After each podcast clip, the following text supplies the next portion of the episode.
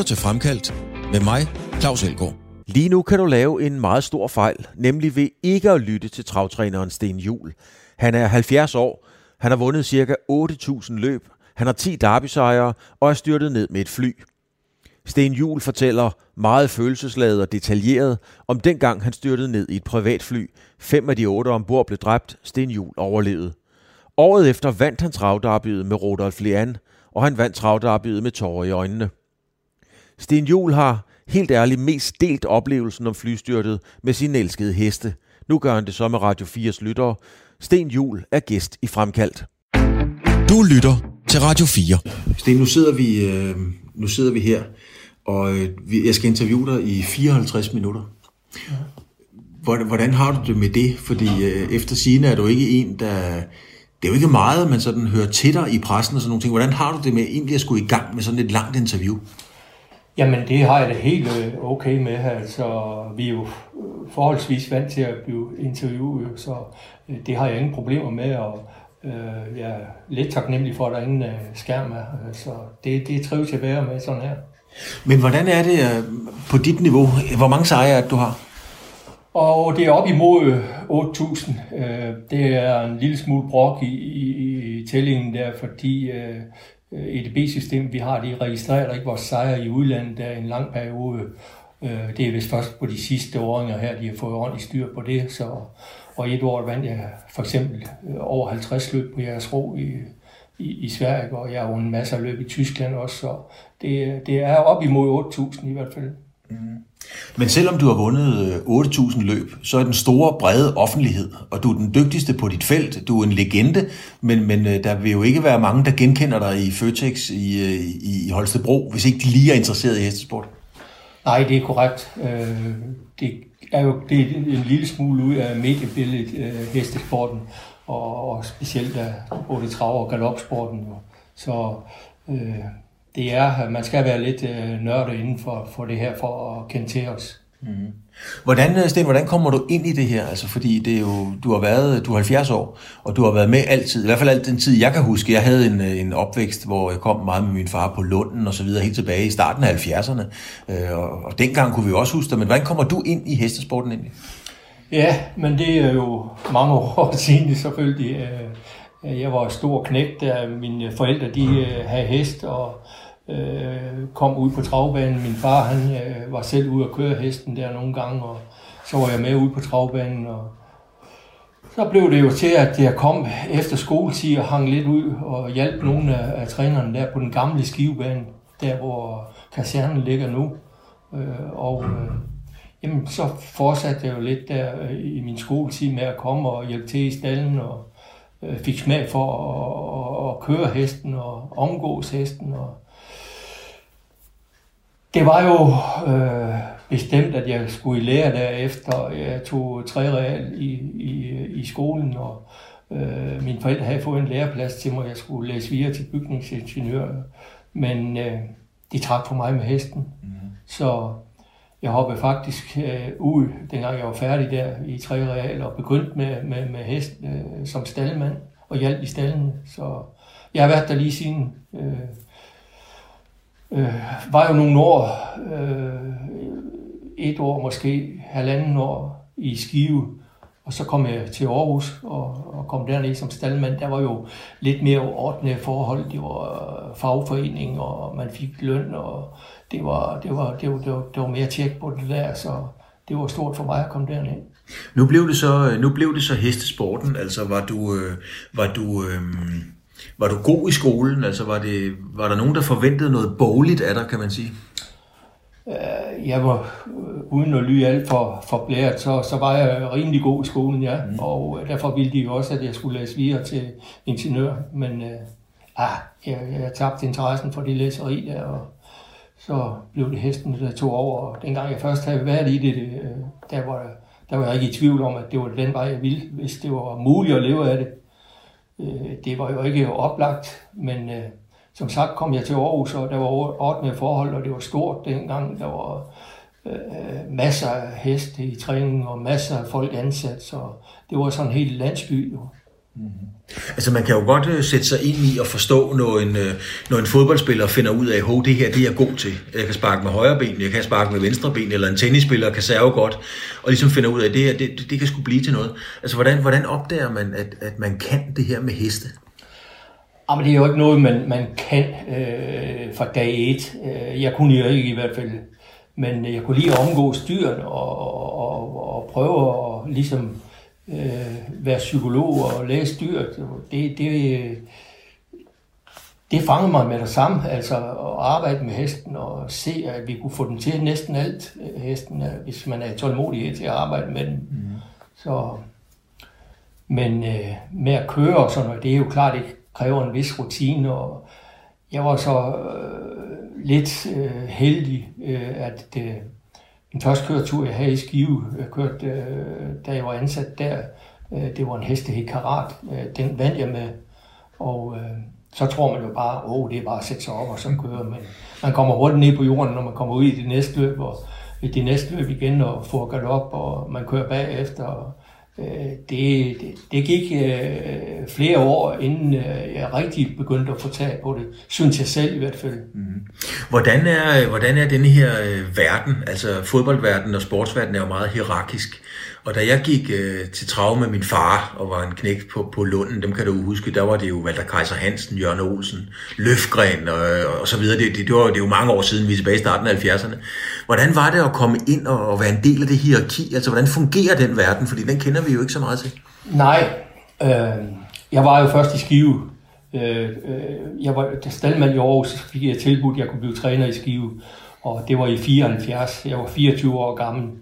Øh, de syntes jo selvfølgelig, at jeg skulle vente lidt, og jeg fik tilbud fra en stor træner, og så blev førstmand der, og øh, vente et par år med at selv starte op. Men når man er 24 år, og man er ambitiøs, øh, så jeg ville i gang, og begyndte i skive, og det gik også øh, det, vi kalder øh, lidt sejt i, i begyndelsen.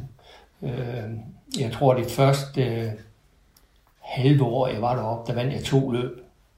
Så det gik tungt, men øh, på, på, på, på det andet år, der begyndte jeg ligesom at få gang i det, og der, jeg tror anden halvdel af den første sæson, jeg var der, der vandt jeg 16 løb, og så begyndte det ligesom at rulle på, og mm. øh, jeg blev, tror jeg, champion i ja, 76, det må nok hænge mig helt op på. I 76 blev jeg det, ja, og, og så var jeg stort set champion i Skive indtil øh, jeg blev tilbudt øh, og kom til Charlottenlund i 82.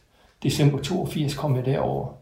Og der kom jeg så over til de her navne, som du nævnte, Løfgren og øh, Kaiser Hansen og de der. Kaiser Hansen var jo en lille smule på retræte, da jeg begyndte mm. over øh, i, i 82. Jo. Så, men hvordan var det at komme ind i det miljø, altså at komme fra Skive, og, fordi på det tidspunkt, der var der jo endnu længere fra København til Skive, end der i dag, kan man sige. Ja, men jeg var sådan en lille smule øh, heldig igen. Øh, Kjærsgaard var jo kommet over øh, nogle år før øh, mig, og havde ligesom taget prøven af det, og øh, ligesom gjort os lidt anerkendt øh, fra mm. provinsen også. Og, øh, han havde jo stor succes, Preben, og vandt masser af vise løb, og jeg kan ikke huske, om han blev champion også der, nogle af de første år, han var derovre. Men øh, han havde ligesom taget øh, al støden der, så jeg, jeg synes faktisk, jeg blev modtaget rigtig godt af, og var inde i, i sammenholdet næsten med det samme, og jamen, det gik bare slag i slag. Sten, prøv at fortælle om, øh, hvordan det var at køre vedløb, for eksempel på Lunden, på en af de store løbsdage, hvor de, hvor de store heste var med, de gode heste, de kendte heste. Altså prøv at beskrive stemningen, hvor mange mennesker der var, og hvordan var det dengang? Ja, men jeg vil jo sige, øh, hvis jeg skal beskrive sådan en rigtig storløbsdag. Altså, der har jo været masser af storløbsdage, hvor jeg har været involveret også med favoritter, og jeg har vundet løb. Men den første rigtige storløbsdag, som jeg kan mindes, det var øh, til Copenhagen Cup. Øh, der var jeg træner i Skive, og jeg kom over med, med, med hester og skulle deltage der i, i, øh, i øh, løbende. Øh, det, var, det, var, det var stort, det var det. Mm-hmm. Øh, der var jo masser af folk, og alene det at komme til start på Charlottenlund, det var jo det var stort, det var nære, det var det største i, i, i Danmark, ligesom at komme ind og spille ind i idrætsbanken, kunne jeg forestille mig for en fodboldspiller jo, men øh, altså det, det, var, det var enormt. Hvor, hvor, hvor mange mennesker var der til, til en god øh, travdag på Lunden? Ja, men det har jo altid været mest besøgt på Derbydagen, mm. og øh, jeg, jeg kan ikke lige de eksakte tal, men, men det var det var mange, mange øh, tusinde tilskuere. Vi regner jo 10.000, 12.000 tilskuere, tror jeg. Ja, og, og hvis man kommer til, til, til vedløb i dag, så er der jo ikke så mange mennesker. Altså, øh, hvad, hvad er der sket? Altså, fordi øh, vi har jo stadigvæk gode heste og så videre, men hvad er det, der er sket siden, at, at fra at det var, en, en, det var jo en folkefest, altså det var det jo, til at det er det mere anonymt i dag? Ja, men det, det, det var det helt sikkert, og jeg tror jo til dels, at det er, det er tv, der har gjort det. Øh, jeg kan jo se ligesom mig selv, altså da jeg var i Aarhus, gik jeg jo også til fodbold, var nede og se AGF nede på stadion, mm. men øh, når du kan få det ind i, i stuen, når du kan se Barcelona og Real Madrid på tv, øh, så bliver det lidt mere fladt at tage ned og se AGF nede på stadion. Så det øh, har også været med til det med trav, tror jeg, at man fik det ind i stuerne hele tiden og kunne slå på øh, de, de bedste løb rundt omkring i Europa. Jo. Så det, det har været med til at affolke det i hvert fald. Men, men har, har, har man været fra dem, der skulle ligesom produktudvikle det, altså øh, har de været dygtige nok til at følge med tiden, fordi alting bliver produktudviklet. Nu sidder vi her på, på øh, Fyns Vældesbane. Vi sidder helt bogstaveligt talt inde i et, øh, ja, et, et, et, et, noget, der ligner en, en, jeg ved, jeg ved ikke, hvad det ligner. Det er gammelt. Det er del med gammelt. Der er spindelvæv alle vejen, der er huller i muren, og der er hvidkalket godt nok, og et rundt spejl, og så vil øh, være 4 gange 3 meter eller sådan nogle ting. Og en, og en øh, lidt malet blå træbænk med, med mange steder, hvor malingen er faldet af. Det er der, du klæder om. Og jeg mener, du er the shit, du er champ. altså, har man formået at produktudvikle den her sport? Øh, nej, det har man ikke. Øh det er så let at kritisere, og det vil jeg jo helst ikke. Uh, det er ikke min natur at komme med alle de der bebrejdelser, men jeg må også erkende, at vi har jo haft alt for dårlige travpolitikere og uh, læger inden for travlt, og der har været for mange, for, for mig konkurrence indbyrdes imellem banerne. Der, der har været alt for lidt uh, sammenhold. Det skulle ses som en enhed travlt, altså øh, i, i hele Danmark, frem for at man skulle konkurrere om alting. Jo. Så det, det har været, det har, det, har, det har gået ned ad bakke de sidste øh, mange år, det har det virkelig. Mm. Men tror du, der kommer en storhedstid igen, eller skal vi have en Rudolf Lande, eller en Tarok, eller en Ikaros, eller et eller andet? Skal der det til, eller hvad der skal til, for at det ligesom igen bliver sådan en, øh, ja, men der tager man sgu hatten på og går ud og spiser en pølse og spiller på en kræg? Øh, ja, jeg tror det desværre ikke, at det er nok, at der kommer en fikstjerne igen. Det, det, det kan jeg ikke øh, tro, fordi som sagt, de der fikstjerner, dem ser du på tv, du får dem ind i stuen, og du har et øh, andet forhold øh, til, til, til, til de der stjerner i dag. Altså, øh, det var jo også stort, når der kom øh, en fantastisk øh, spiller op på stadion, og, og der skulle vi jo alle sammen ned og se det, når der kom en af de verdensstjerner. Men, men øh, ja, det, jeg tror ikke, det kan gøre det med, med, med travlt, at der skal komme en stjerne. Man skal have lavet øh, om på løbende planlægning. Det skal være up-to-date øh, anlæggende rundt omkring. Det dur ikke at have de her øh, anlæg, som var øh, super moderne for 30-40 år siden. Altså man skal up-to-date. Altså verden ser anderledes ud i dag, og vi er nødt til at tilpasse os. Mm. Men, men du har jo været med til at skabe i høj grad også, kan vi sige, det man kalder vel den gode tid. Ja, jeg har været med, men, men jeg har jo mest koncentreret mig på, på det sportslige, jo også min egen forretning. Jeg har jo været så heldig, at øh, jeg kunne leve af min, min hobby og, og, og øh, have en god forretning. Mm-hmm. mm-hmm. Du har vundet, øh, du har vundet 8.000 løb, øh, 7-8.000 løb deromkring. Øh, mm kan man stadigvæk blive glad, når man kommer første over stregen? Men om du har kørt først over 8.000 gange. Øh, kilder det så stadigvæk i maven, når man vinder? Ja, det gør det. Det er klart, der er stor forskel på de løb, man vinder, og de løb, man kører. Altså, øh, kører et almindeligt løb en, en vinterdag, hvor det blæser og, og sne og gør ved, øh, det, det er jo ikke så spændende som at køre i august måned, når vi kører et stort løb ind på Lund, der Dansk Travdarby. Øh, det, det er jo en væsentlig forskel, men Øh, jeg er glad øh, hver gang, jeg kører ud til løb og øh, vil opnå et godt resultat. Øh, ellers så, så tror jeg, jeg var holdt op. Øh, mm. Jeg elsker at komme ud med hesten og øh, få svar tilbage fra hesten, og også konkurrencen, og, og, og vise, hvor, hvor dygtig han er, hesten. Hvordan, øh, Sten, hvordan, hvordan har din krop det? Fordi det kan godt være, at man ikke tror det, men der skal altså nogle kræfter til for at holde sådan en hest, og du har gjort det i, i 50 år. Altså, hvordan har kroppen det egentlig, når man er 70 år og kører på det her niveau? Jamen det er klart, jeg kan jo mærke det. Jeg vil lyve, hvis jeg ikke øh, sagde andet, men, men øh, jeg føler sådan set, at øh, kroppen har det okay. Altså, øh, lidt svært for mig at tolke, om det er alderen, der, der, der gør sig gældende, eller det er øh, min lægegigt. Jeg har en kronisk sygdom der med lægegigt, og det, det var lidt hårdt. Øh, da jeg fik det, der var jeg øh, parat til at holde op. Øh, men efterhånden så er de jo også blevet dygtige til at håndtere det, og, og de har hjulpet mig med noget biologisk medicin, og det har jo gjort, at jeg kunne fortsætte, og jeg kan selvfølgelig have en dårlig dag, men, men ellers så synes jeg generelt, det går forbavsende godt. Mm. Hvordan, hvordan har det indflydelse til ledgigt? Altså, hvordan påvirker det din, din professionelle dagligdag, kan man sige? Ja, det, det, det, det er jo det er jo ikke så slemt, når jeg er i gang og, og sådan der, men, men øh, det påvirker mig jo lidt, hvis jeg ikke kan sove, så kan du jo ikke være oplagt til næste dag, det siger sig selv. Men øh, heldigvis er der ikke så mange øh, anfald, jeg får mere, så det, øh, det er klart positivt.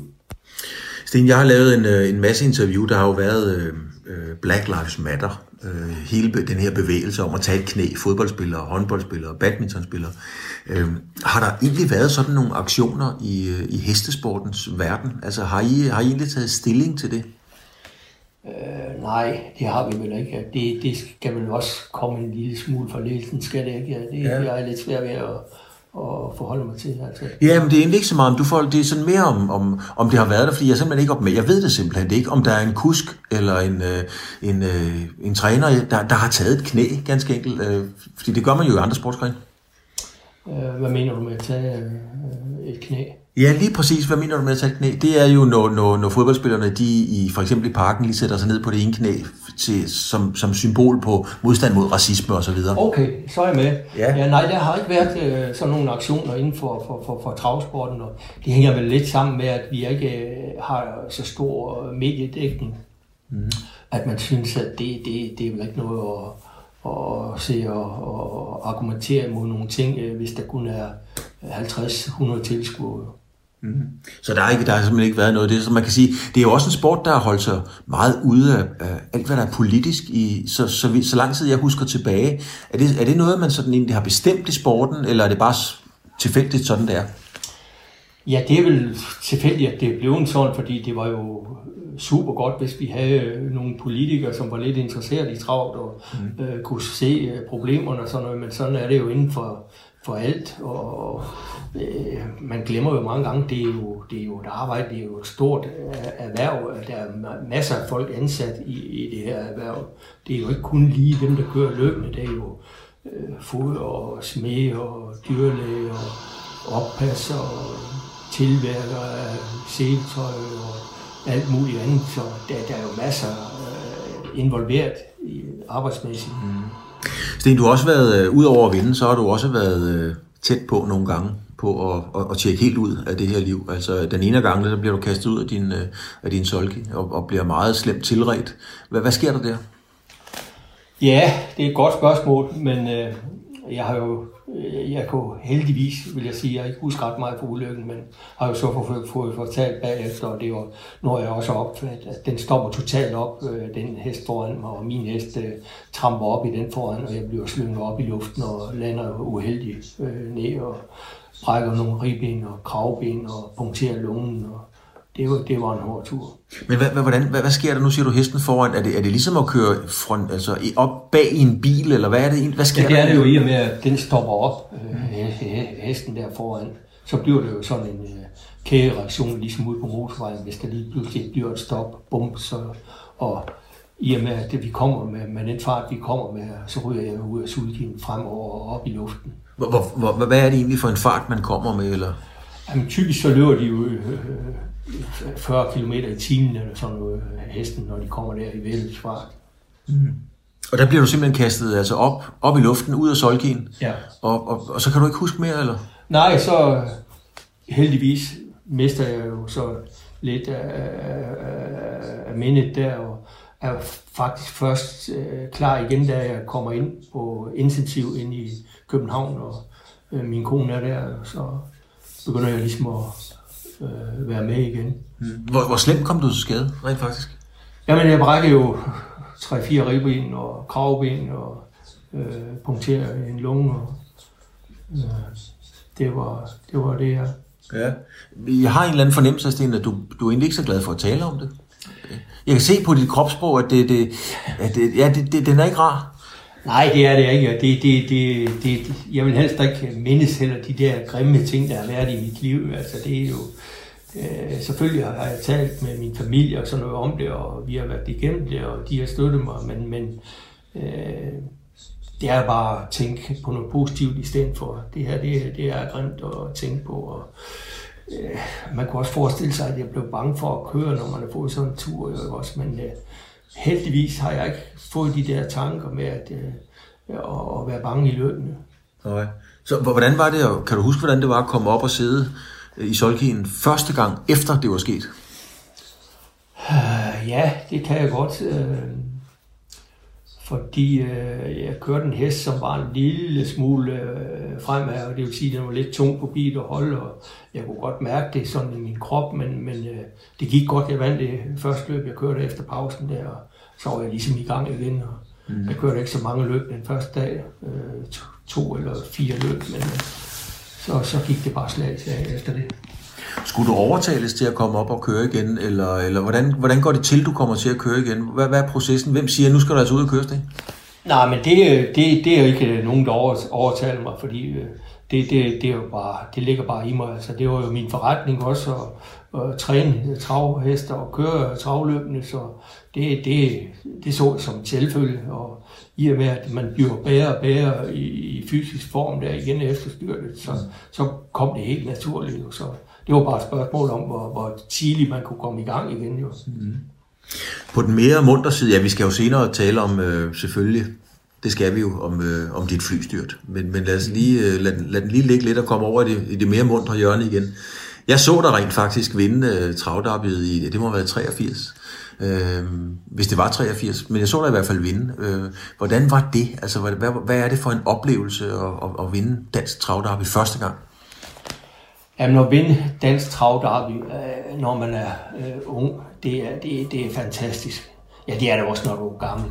Men, men det, er, det er fantastisk. Det er det største, du kan vinde her i Danmark, og det, det er en helt speciel øh, følelse, du får der, når tilskuerne de står op og klapper og hujer. Og, øh, det, du så når målstregen som først. Altså, det er, det er en lettelse, det er en lykkefølelse, det er, ja, det er ubeskriveligt. Jeg er stensikker på, at du kan huske det i detaljer. Prøv at fortælle, prøv at, at beskrive opløbet fra I kører ud af det sidste sving, til du kommer over stregen. Hvordan husker du det?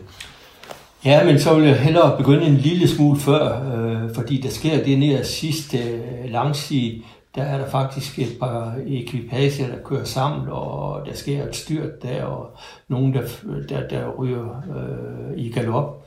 Men øh, jeg ligger op i, i, i fortroppen der og kommer udenom uden nogen problemer. Så er det Axel, han fører med Fejt Løjbjerg, og øh, så er det ham, jeg skal slå. Og det var en af de værste konkurrenter på forhånd også. Det var en af favoritterne. Så, øh, men, men jeg kan godt mærke, at min hest er godt gående rundt i sidste sving. Og da jeg så kalder på ham, så afgør han forholdsvis let ned gennem opløbet. Så det, det, var, det var stort, men øh, det er klart, man, man kigger lige der, der, der sker det der uheld 600 meter fra mål. Mm. Nu siger du, at du kalder på ham.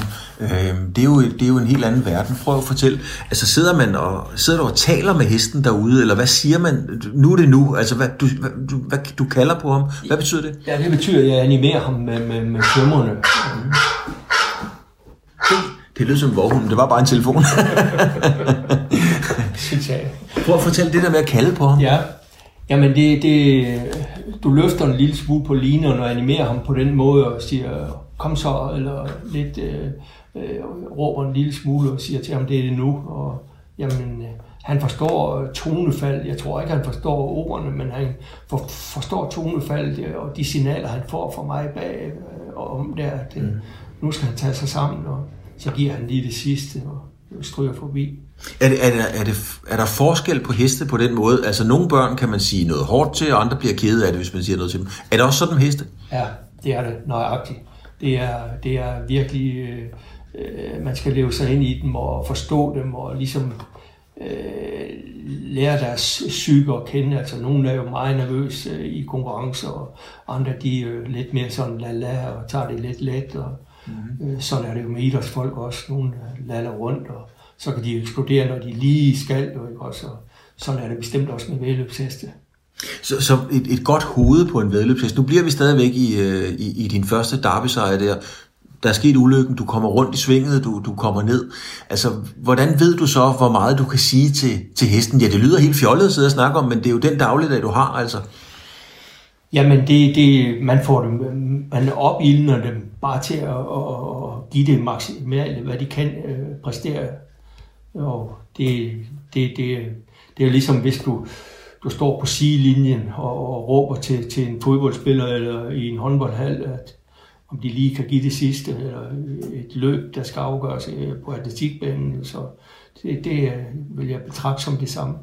Men hvis vi så bliver i fodboldsproget, så når man øh, lige pludselig er alene med målmanden, dribler ned mod ham, så ved man jo godt som fodboldspiller, nu kan det være at score, nu er det tæt på at score.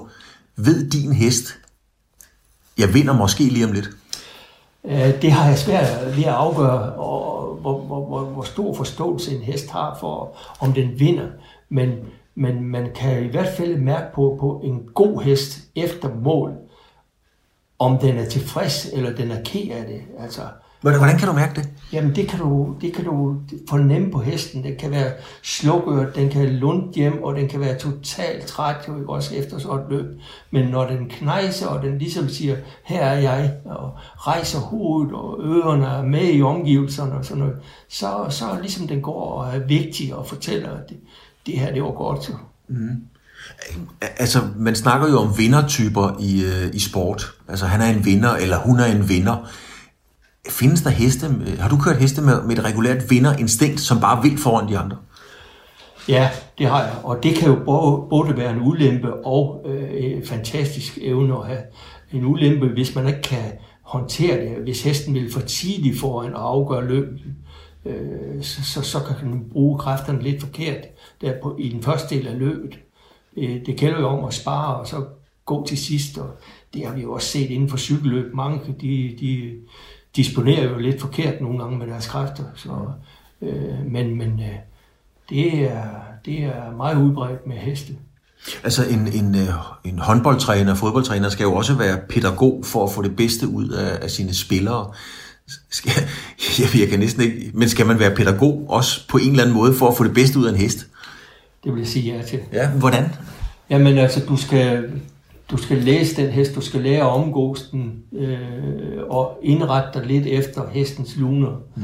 Og jamen, det kan være små ting, det kan være en hest, den ikke trives med, med den øh, øh kammerat, den går med ude i folden, at den skal have en, en anden kammerat, så den føler sig lidt overlegen ude i folden. Det kan være, at den skal flytte sin boks, hvor den ikke trives i den boks, og øh, ved, ved, ved den, øh, den anden hest, som står ved siden af hende. Så det er sådan små ting, man, man må forsøge at lægge mærke til og, og se, at øh, de er i trivsel, hesten. Mm. Men hvordan ser du det, Sten? Altså, du kommer ud til, til en ny hest, og du, du kan så se, at den trives ikke helt i den boks eller med den kammerat.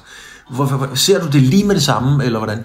Nej, det gør, det, det gør jeg ikke. Altså, der er også en vis øh, tilpasningsforhold. Man prøver jo på at lige at lade dem lære hinanden at kende. Mm. Og det, det er jo lidt ligesom øh, børn i børnehaven, altså når de kommer ned. Og, øh, nogen trives med, med, med, med, med øh, de børn der, og andre de skal over i en anden gruppe og sådan noget.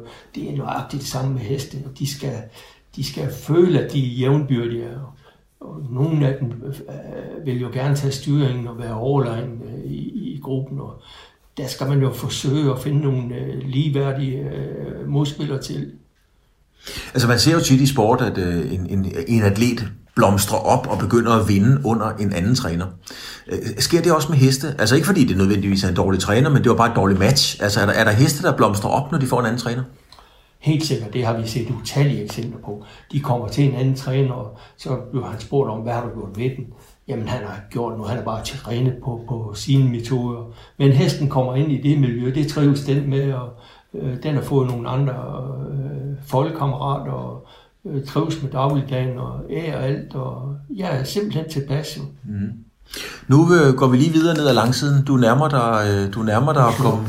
Hvem står, hvem står udenfor? Det er Pio, han skal ind og klæde om. Jamen, han skal bare komme ind og klæde om, skal han. Vi snakker bare videre. Øh, Sten, du er stadigvæk på vej ned ad langsiden. Nu nærmer du dig din første derby-sejr. Hvad sker, der, hvad sker der inde i hovedet på dig og hesten, der hvor nu, nu er det lige om hjørnet, at de vinder derbyet? Jamen, jeg tror ikke, der sker så meget inde i hovedet på hesten. Ja. Men, men jeg kan jo begynde ligesom at, at puste ud og se, at det her, det, det, det, det, det går. Mm. Men pust ud og se, det går. Altså, jeg mener, det er jo en kæmpe sejr, og du er ung, og du, du vinder derbyet og så videre, ikke? Så der må der være noget i dig, der bruser. Jamen, det er det også. Det er, som jeg siger, det, det er det største, og det bruser, og det er en speciel lykkefølelse. Så det, det, det skal jeg ikke skjul på. Altså, derbyet er for mig, det har altid stået som det største, og det er jo klart, man har drømt om det, siden man var, øh, gik der på travbanen som ung øh, dreng, og hjalp i stallene. Altså, det, det var det løb, vi kørte i tankerne. Så det, det, var, det var kæmpestort. Mm. Nu sidder vi, øh, vi sidder stadigvæk øh, inde i det her lille rum, og det, det ligner et, øh, det kunne godt ligne noget fra 50'erne, det er det muligvis også. Øh, I klæder om sammen, I store stjerner i, i jeres sport. Øhm, er det sådan, det skal være, eller, eller skulle du i virkeligheden, eller skulle I i virkeligheden, fordi I er jeres stjernerne, skulle I have haft jeres eget lille rum øh, og så videre med et brusebad? Og der, her er, der er ingenting. Vi sidder i en skal med, med, med en hvid væg, med, der er dårligere malet med hul i væggen. Altså, øh, er det sådan, det skal være i virkeligheden? Nej, men sådan er det jo heller ikke på alle baner. Det, er det er lidt her i Odense mangler de måske lige lidt øh, bagforhold og omklædningsforhold, men på mange af de andre baner er der jo super fine øh, omklædningsforhold og bagforhold, så vi kan lige beskylle efter løn og sådan noget. Så det, det er bare som det er her, jo. det må vi tage. Mm. Sten, man spørger så tit øh, fodboldtrænere, hvad deres øh, filosofi er, hvad deres træningsfilosofi er. Hvad, hvad, hvad er din filosofi omkring heste? Ganske enkelt. Jamen det er jo, at de skal være godt forberedt i hvert fald. De skal være trænet igennem til at, at, at tåle den der fysiske belastning. Det må ikke være sådan, at så har jeg gjort mit arbejde for dårligt, hvis det er sådan, at jeg ikke er forberedt til at få løb. Men, men hvordan, øh, hvordan angriber du det, når du får en hest? Altså, hvad er din filosofi med, hvordan den lærer dig at kende, og du lærer den at kende? Altså, hvordan kommer man til det? Det er jo en helt anden verden, som vi, i hvert fald for mig, kan være vanvittigt svært at sætte sig ind i. Jamen, det kommer jo lidt naturligt. Når du træner med hesten hver eneste dag, så lærer du de her luner, vi talte om før, også øh, du måler øh, pulsen på den, alt efter hvor, hvor, hvor, hvor, hvor stærkt arbejde vi, vi giver dem jo ikke også, så du ved, hvor den ligger træningsmæssigt jo. Mm-hmm. Hvordan lærer, du, hvordan lærer man så den hest? Altså, fordi uanset hvad, så er det jo nok dig, der bestemmer. Det tror jeg er den bedste rollefordeling. så hvordan er det, man får den lært det? Øh, at, at, at jeg bestemmer? Ja, altså fordi du skal jo være den der, og det skal den jo vide, og det er jo et stort dyr og sådan nogle ting. Jeg, jeg, jeg forstår godt, du kigger mærkeligt, fordi at det ved du og I alt om, men alle os, der sidder udenfor og kigger, vi har jo ikke forstand på den verden. Så hvordan er det, I får afklaret det? Det er altså mig, der bestemmer. Ja, ja men det er jo ikke noget... Øh at vi bestemmer som sådan. Altså, som jeg siger, så kan du lære en hest det mest. Mm. Næsten alt kan du lære en hest. Og det, det, det handler jo også om at indrette sig efter hesten. Altså, du kan ikke tvinge noget igennem. Du er nødt til at være på kompromis hele tiden og, og forsøge at lære hesten til at forstå dine signaler. Mm. Mm. Og det, det, som du vil have den til at præstere jo. Mm. Altså, den mest berømte hest herhjemme, det er jo nok øh, Tarok, kan man sige. Men den bedste hest herhjemme, det var måske Rudolf Lærden. Øh, den, øh, den sidder du bagved, i hvert fald i en af dem. Øh, prøv at forklare, hvad, hvad det var, der var mellem jer mellem dig og, og, og Rudolf. Hvad, hvad, hvad var det for et, et makkerskab? Hvad var, hvad var I for nogen sammen? Ah, Jamen, øh, Rudolf var jo en fantastisk hest. Han vandt jo øh, alle to års løben og gik jo Ja, det, han missede et øh, løb som to unge, ellers vandt han alle løben, og han fortsatte som tre unge og som fire unge også. Så samtidig fik jeg jo et helt specielt forhold, fordi det var der på, på, på vej til Sverige til et stort løb, hvor flyet øh, faldt ned, og mm-hmm. vi, vi, vi styrte i vandet så, så bliver det lidt specielt, og man får følelser med det jo. Ja, ja. Øh, vi gemmer øh, flystyrtet lidt, men, øh, men du, du skal fortælle om det, Sten, fordi det er jo også en væsentlig del af dit liv, kan man sige. Ikke? Men hvis vi kigger på Rudolf Lande, der var sådan en, eller det siger folk i hvert fald med forstand på det her, der var sådan en, en forståelse mellem jer på en eller anden måde, som var ret unik. Kan du, kan du forklare det? Nej, men det bliver det jo, når, når du kører øh, den hest hver eneste gang i løb, og du får, øh, altså du lærer hans lune, og du lærer alt, øh, og han lyster det mindste signal, du giver, så, så bliver det bare sådan. Det, er, det har været sådan med mange kusker og mange heste, altså de forstår hinanden. og Det, det er bare skønt at se på os, altså en kusk og en hest, der har det samme spil. Mm. Hvor, hvor, hvor meget forstår man hinanden? Fordi for dig er det meget naturligt at sige, at vi forstår hinanden. Men, men for mig er det svært at forstå, hvordan en, en mand og en hest forstår hinanden. Så det skal du forklare. Ja, det er også uh, måske forkert ord, men, men hesten vil i hvert fald uh, følge de signaler, du, du giver, og reagere på det mindste, og jamen, han har lært op hesten til, at hvis jeg kalder på ham, jeg animerer ham, så skal han blive stærkere. Mm. Og ser jeg taler til ham i en rolig, dyb tone, ho, ho, ho, så skal han slappe af. Og de signaler har han lært, og det går han efter. Mm. Nu, nu tog du selv hul på den. Øh, du styrer dig ned med et fly. Mm. Og det er med til at, at lave de bånd også til Rudolf Lern. Øh, men, men hvad er det, der sker? Der, hvad er det for nogle omstændigheder, hvor du styrter ned? Der er jo rigtig mange mennesker, desværre, der er styrtet ned. Men der er jo sagens natur ikke ret mange, der kan fortælle om det, desværre. Men det kan du. Hvad er det, der sker? Jamen, det er jo ret øh, banalt. Øh, vi er på vej derop til et stort løb i Karlstad i, i Sverige, og øh, så går vi tør for benzin ganske kort, før vi skal lande. Indflyvningen er jo øh, lige ind, øh, over en sø ind på landingsbanen, og øh, ja, vi mangler måske 5-10 km, jeg ved det ikke, men øh, vi ryger ned i søen der, mm. og jamen, der går mange minutter før flyet er væk jo. Nej. Hvad, hvad sker der i de minutter fra, øh, stopper motoren lige pludselig, eller, eller hvad sker der rent faktisk? Ja, øh, jeg ser jo ned på, på en af de værste pladser der, fordi jeg kendte øh, døren dernede, og øh, kunne lukke den og sådan noget, fordi jeg har fløjet med den mange gange. Det var en privat maskine jo. Øh, der, der knaser den ene motor og sætter ud, og der spørger jeg så op til piloterne, hvad var det? Bliver man en lille smule sådan om. Og det var bare den ene øh, tank, der gik tør, sagde han. Okay. Men så går der jo ikke ret lang tid, kvarter, 20 minutter, halv time, jeg ved ikke, øh, før han råber, at vi skal få de veste på, og det skal være nu. Og der kunne du jo godt høre, at stemmen, der var, der var der panik i stemmen. Vidste du godt, der, at der var noget pivgalt? Nej, men jeg vidste jo, at øh, da han sagde, at vi skulle have vestene på, at der var noget galt. Og så du kunne høre på, på, på hele tonefaldet, at der var, det var alvor. Mm. Og det, det skulle være nu, han er op virkelig sådan der. Altså det er jo alle menneskers mareridt, hvis man er ude at flyve. Det er sådan noget sker. Hvad, hvad, hvordan reagerer du? Hvad gør du? Altså, hvad, det, okay, manden siger, at du skal få vest på i en fart. Ja, vi får jo vestene på, og øh, så ser man jo, at vi er på vej ned mod vand. Og så, jeg indbilder mig jo, at et fly, der lander på vand, det glider lige så stille hen ad vandet. Og oven på vand. Men i mit hoved, som jeg husker det i dag, så var det ligesom, vi fløj ind i en mur. Ja. Og de røg hovedet kult op. Vandet blev presset ind i maskinen der, og piloterne var jo totalt øh, smert, og øh, de andre øh, væltede jo rundt også der, men vi sagde jo godt, jeg var forberedt på, da vi gik ned og havde fået benene op imod øh, øh, sæt foran, og klart mig det der, og så da vi så er nede på vandoverfladen der, så er der en af mine kammerater, der er med, øh, Henrik Poulsen, der står op og skriger, nu skal vi ud. Og så får jeg åbne døren, og, ikke? og så hopper vi ud i vandet, og så er der desværre nogen, der ikke klarer det jo, og nogen var jo døde der ved nedfaldsstødet også. Ja. Er du klar over det på det tidspunkt? Nej, det ved jeg faktisk ikke.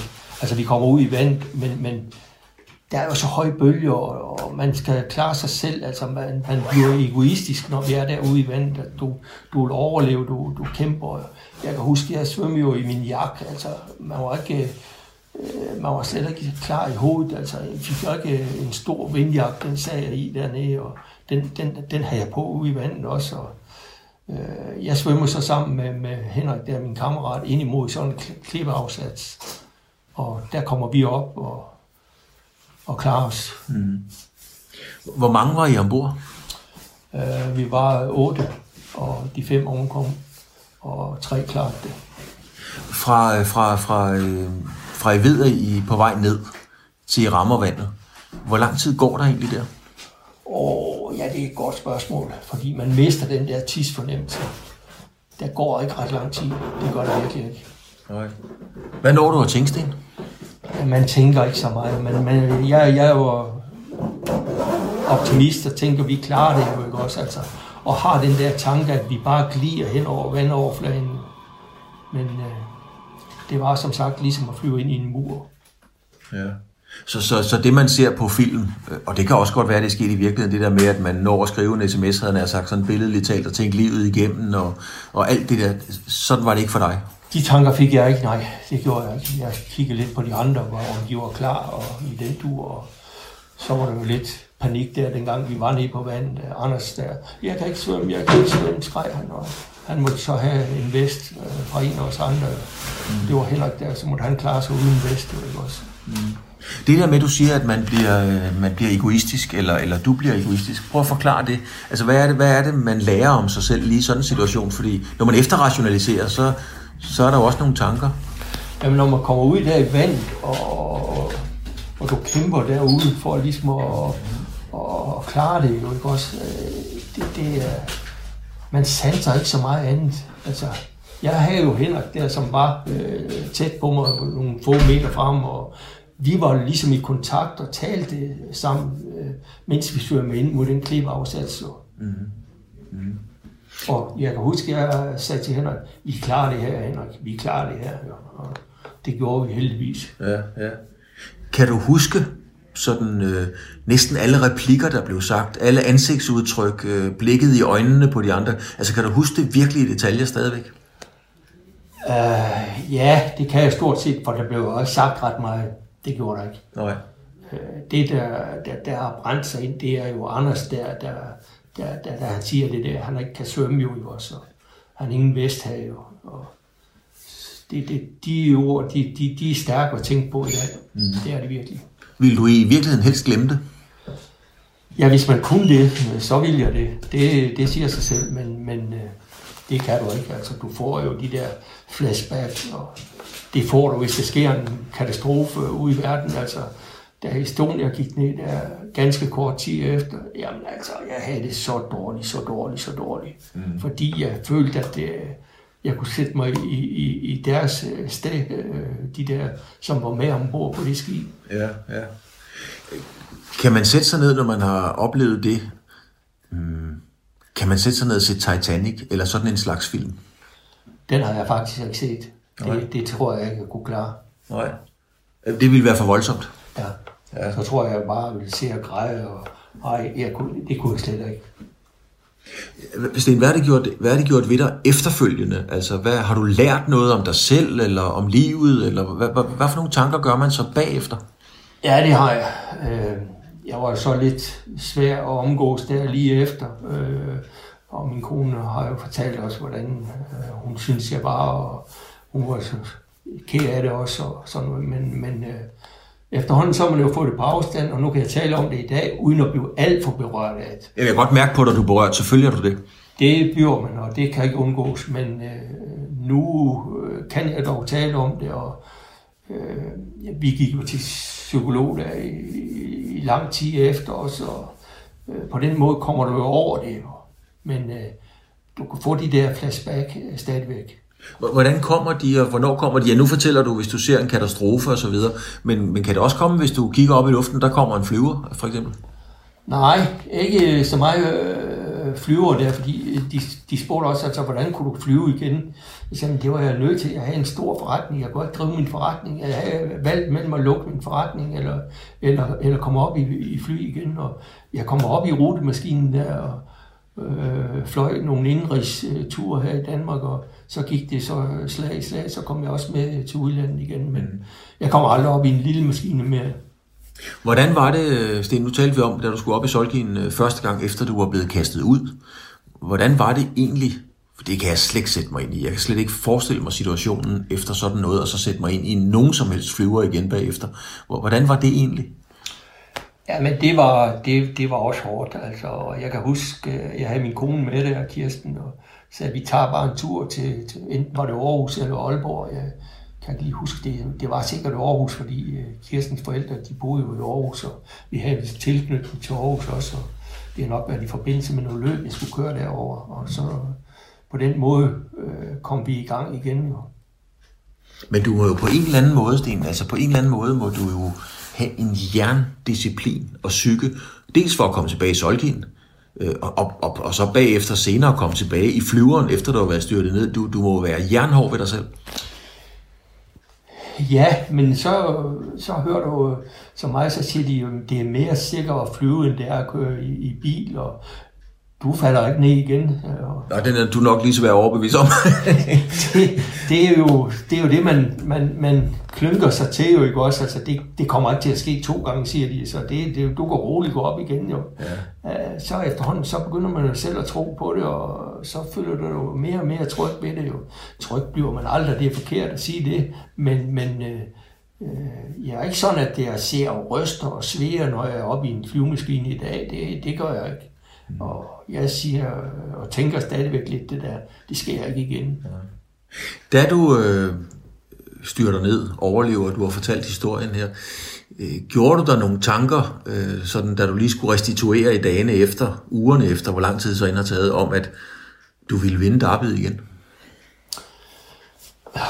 Ja, det, det, det, det, det, det, det gjorde jeg, fordi altså, Øh, jeg har altid brugt, når jeg har haft nogle nedture og være ude i stallen, ude ved hesten og omgås dyrene der. De stiller ingen spørgsmål hesten, og du kan arbejde med dem, og du får tilbagemeldinger og positive tanker hele tiden. Så det, det har jeg altid kunne rejse mig øh, ved at omgås dem. Og øh, jamen, jeg var jo, det her det var en søndag, den 16. august øh, 92 jo. Øh, og øh, jeg var ude at køre om onsdagen, på Lund Travbane. Og jeg kan huske det, som det var i går, at jeg skulle køre fire heste. Jeg vandt to løb, så, og nåede også at ryge af en sulke, øh, men øh, ikke alvorligt, men øh, hvor hesten den blev løbsk. Så, øh, men så er jeg i gang igen, og det, det var det, jeg ville, altså op igen. Mm. Men så sker der jo det, øh, altså det ikke engang en, en Hollywood-film kunne næsten have skrevet manuskriptet smukkere, fordi øh, så vinder du rent faktisk arbejdet med, med, med Rudolf Leanne. Og det må have været en voldsom øh, oplevelse emotionelt for dig, fordi øh, døtrene er, er vel med derinde og så videre. Fortæl om hele den oplevelse, og hvordan du oplever det, at stå og få din pokal. Det kan jeg se, den rammer dig, sten. Det kan jeg godt se. Øh, det gør det, fordi det var jo, altså det var året efter, da vi skulle, de skulle køre så, øh, året efter. Han var tre år det, øh, i 92, hvor vi faldt ned med flyet. Mm. Og øh, jeg mener, han vandt kriteriet efter vi faldt ned også senere i samme år. Og det er jo klart, der var det jo endnu tættere på, end Darby var. Der var det jo sådan, at man kunne græde på æresrunden, når man sad der i sultgivning. Mm-hmm. Men øh, døtrene var der, og de var glade, og jamen altså, så går det en lille smule øh, ned. Altså, du lærer at håndtere det. Døtrene, Men, du skal lige forklare, hvem døtrene er i den her sammenhæng. Ja, det er døtrene til, til, til ejerne der. Øh, de var der, der var to døtre, mm. og øh, de var der begge to jo, ikke også? Og, øh, jamen, selvfølgelig var det tæt, og man får nogle følelser og nogle tanker og sådan noget, og øh, du kan græde, men du kan også øh, græde, og du kan grine sammen med dem jo og på den måde mindes det, det, det, det gode jo, ikke også, med, med forældrene der, så... Og det var det samme med David, altså da vi skulle køre David, vi var kæmpe favorit. Og det var jo kun mig, der kunne fuck det op, men øh, øh, Rudolf har klart det. Ja, ja. Ja, jeg kan se på dig nu, at, øh, at den gør virkelig ondt, den der, op. og, og jeg vil ikke sige, at jeg vil ønske, at lytterne kunne se det, men det, det er meget, jeg bliver sgu også helt rørt, Sten, når du sidder en voksen mand på 70 år og på den måde reagerer på det. Det er virkelig en, en voldsom stærk historie. Altså, øhm, øh, du har ikke, ja, jeg ved næsten ikke, hvad jeg skal sige, Sten, fordi det er sgu voldsomt. Har du arbejdet med at prøve at fortrænge det, eller vil du ikke fortrænge det? Hvad, hvad vil du med det? Hvad, oh. hvad skal der ske med den historie? Jamen, det kan du ikke. Du kan ikke fortrænge det, og du kan ikke glemme det. Altså, du får de her flashback, og øh, nu taler vi det igennem detaljeret her i dag, så får jeg nu igen også øh, de der følelser, og øh, stadigvæk har du Anders' ord der i hovedet, og at han drukner der i vand, det er jo, det er jo, det er jo så sørgeligt. Jo. Mm. Mm. Han var en ung mand, der var sportschef på Charlotte Lund Travbanen dengang. Ja, ja. Tilbage til, til, til det mere mundre, og det, du vinder faktisk uh, travdarbedet sidste år. Ja.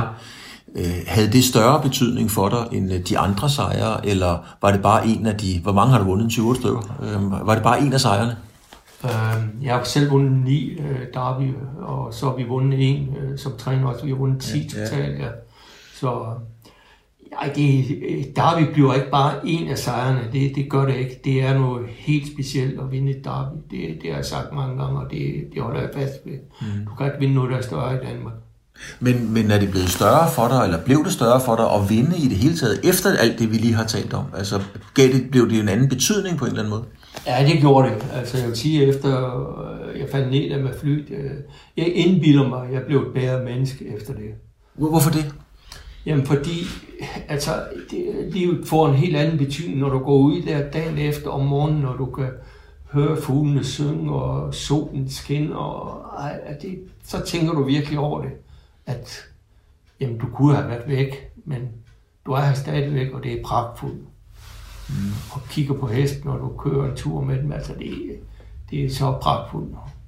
Så, så den der forestilling, eller sådan lidt klichéagtige ting om, at man ser, altså, altså himlen er mere blå, solen skinner mere og sådan nogle ting. Det passer faktisk på dit tilfælde? For mig går det, det er helt sikkert. Jeg var jo, jeg var jo lidt øh, øh, sådan øh, perfektionist og var lidt efter mine folk og glemte nok at rose dem og sådan noget. Det gør jeg vel stadigvæk, men, men alt skulle være i orden, og det skulle ligge på de rigtige pladser, og det skulle ja, være fuldstændig i orden. Men efter jeg faldt ned med flyveren, der er jeg ligesom sådan, åh, det er ligegyldigt. Mm. Jeg hænger i de der bagateller, og sådan har jeg fået en, en, en anden tilgang til det, og det, det tror jeg, man får.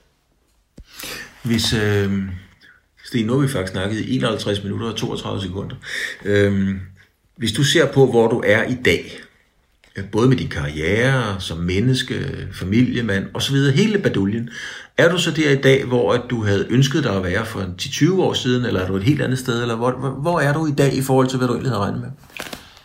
Jamen, karrieremæssigt er jo, øh, det er jo overgået min vildeste fantasi. Altså, selvfølgelig drømmer du om at vinde et derby, men at, at jeg skulle få den her rejse i travsporten og sådan noget, det har jo været enormt for mig at opleve. Og selvfølgelig vil jeg gerne, at min mor og mine forældre, de har oplevet det også, men øh, det er jo naturen, og af gode grund kan de jo ikke være her i dag, men øh, det, det, er, det har været så stort for mig. Mm. Og hvornår øh, har du egentlig planer om at stoppe? Fordi når man ser dig i dag, nu har jeg så set dig køre mesterskabet i dag, du ligner ikke en mand, der sådan overvejer at lægge solgin på hylden, eller hvad man siger. Nej, men jeg har også øh, sagt til mig selv og min omgivelse, at øh, jeg, jeg skal selv være dygtig nok til at træffe den beslutning og sige, jeg må ikke være en belastning for hesten, at jeg ser i vognen. Altså, så, så må en anden tage over og køre løbende, og så kan jeg forhåbentlig være med til, lidt i træningen endnu øh, nogle år, og ligesom være konsulent, rådgiver eller hvad, øh, for, for, for min datter og svigersøn. der. Altså sådan en beslutning at tage, hvis man en dag bliver en belastning for sine omgivelser, den, den kan jo være meget, meget svær at se selv. Har du en aftale med en, du stoler rigtig meget på og siger, nu kommer du altså og siger til mig, hvis jeg en dag bliver en karikatur altså det er en Jul, eller hvis jeg ikke er dygtig nok, eller, eller er du selv så, så realistisk, at du selv kan tage og vurdere den beslutning? Øh, det ved jeg ikke, om jeg kan, men, men jeg håber, at jeg øh, kan tage den beslutning selv, at nu er du ikke dygtig nok til at køre mere. Nu er det bedre resultater, når du har andre til at køre dine heste. Mm. Men igen, altså, jeg kender hesten, og jeg mener, jeg får lige så meget ud af, af, af hesten stadigvæk i løb, som hvis jeg har haft en af de andre til at køre det. Mm. Er der en derby mere i dig? Ikke helt umuligt. Øh, vi er med i år, og øh, jamen, øh, jeg kører, har jo kørt Forza, som har været en af de bedste træunger øh, i fjor der, og han er jo en af favoritterne til derby i år også, men øh, jeg håber også lidt på, at jeg selv har en kandidat i, i stallen, der kan være med og køre en af mine egne heste i, i Derbyt.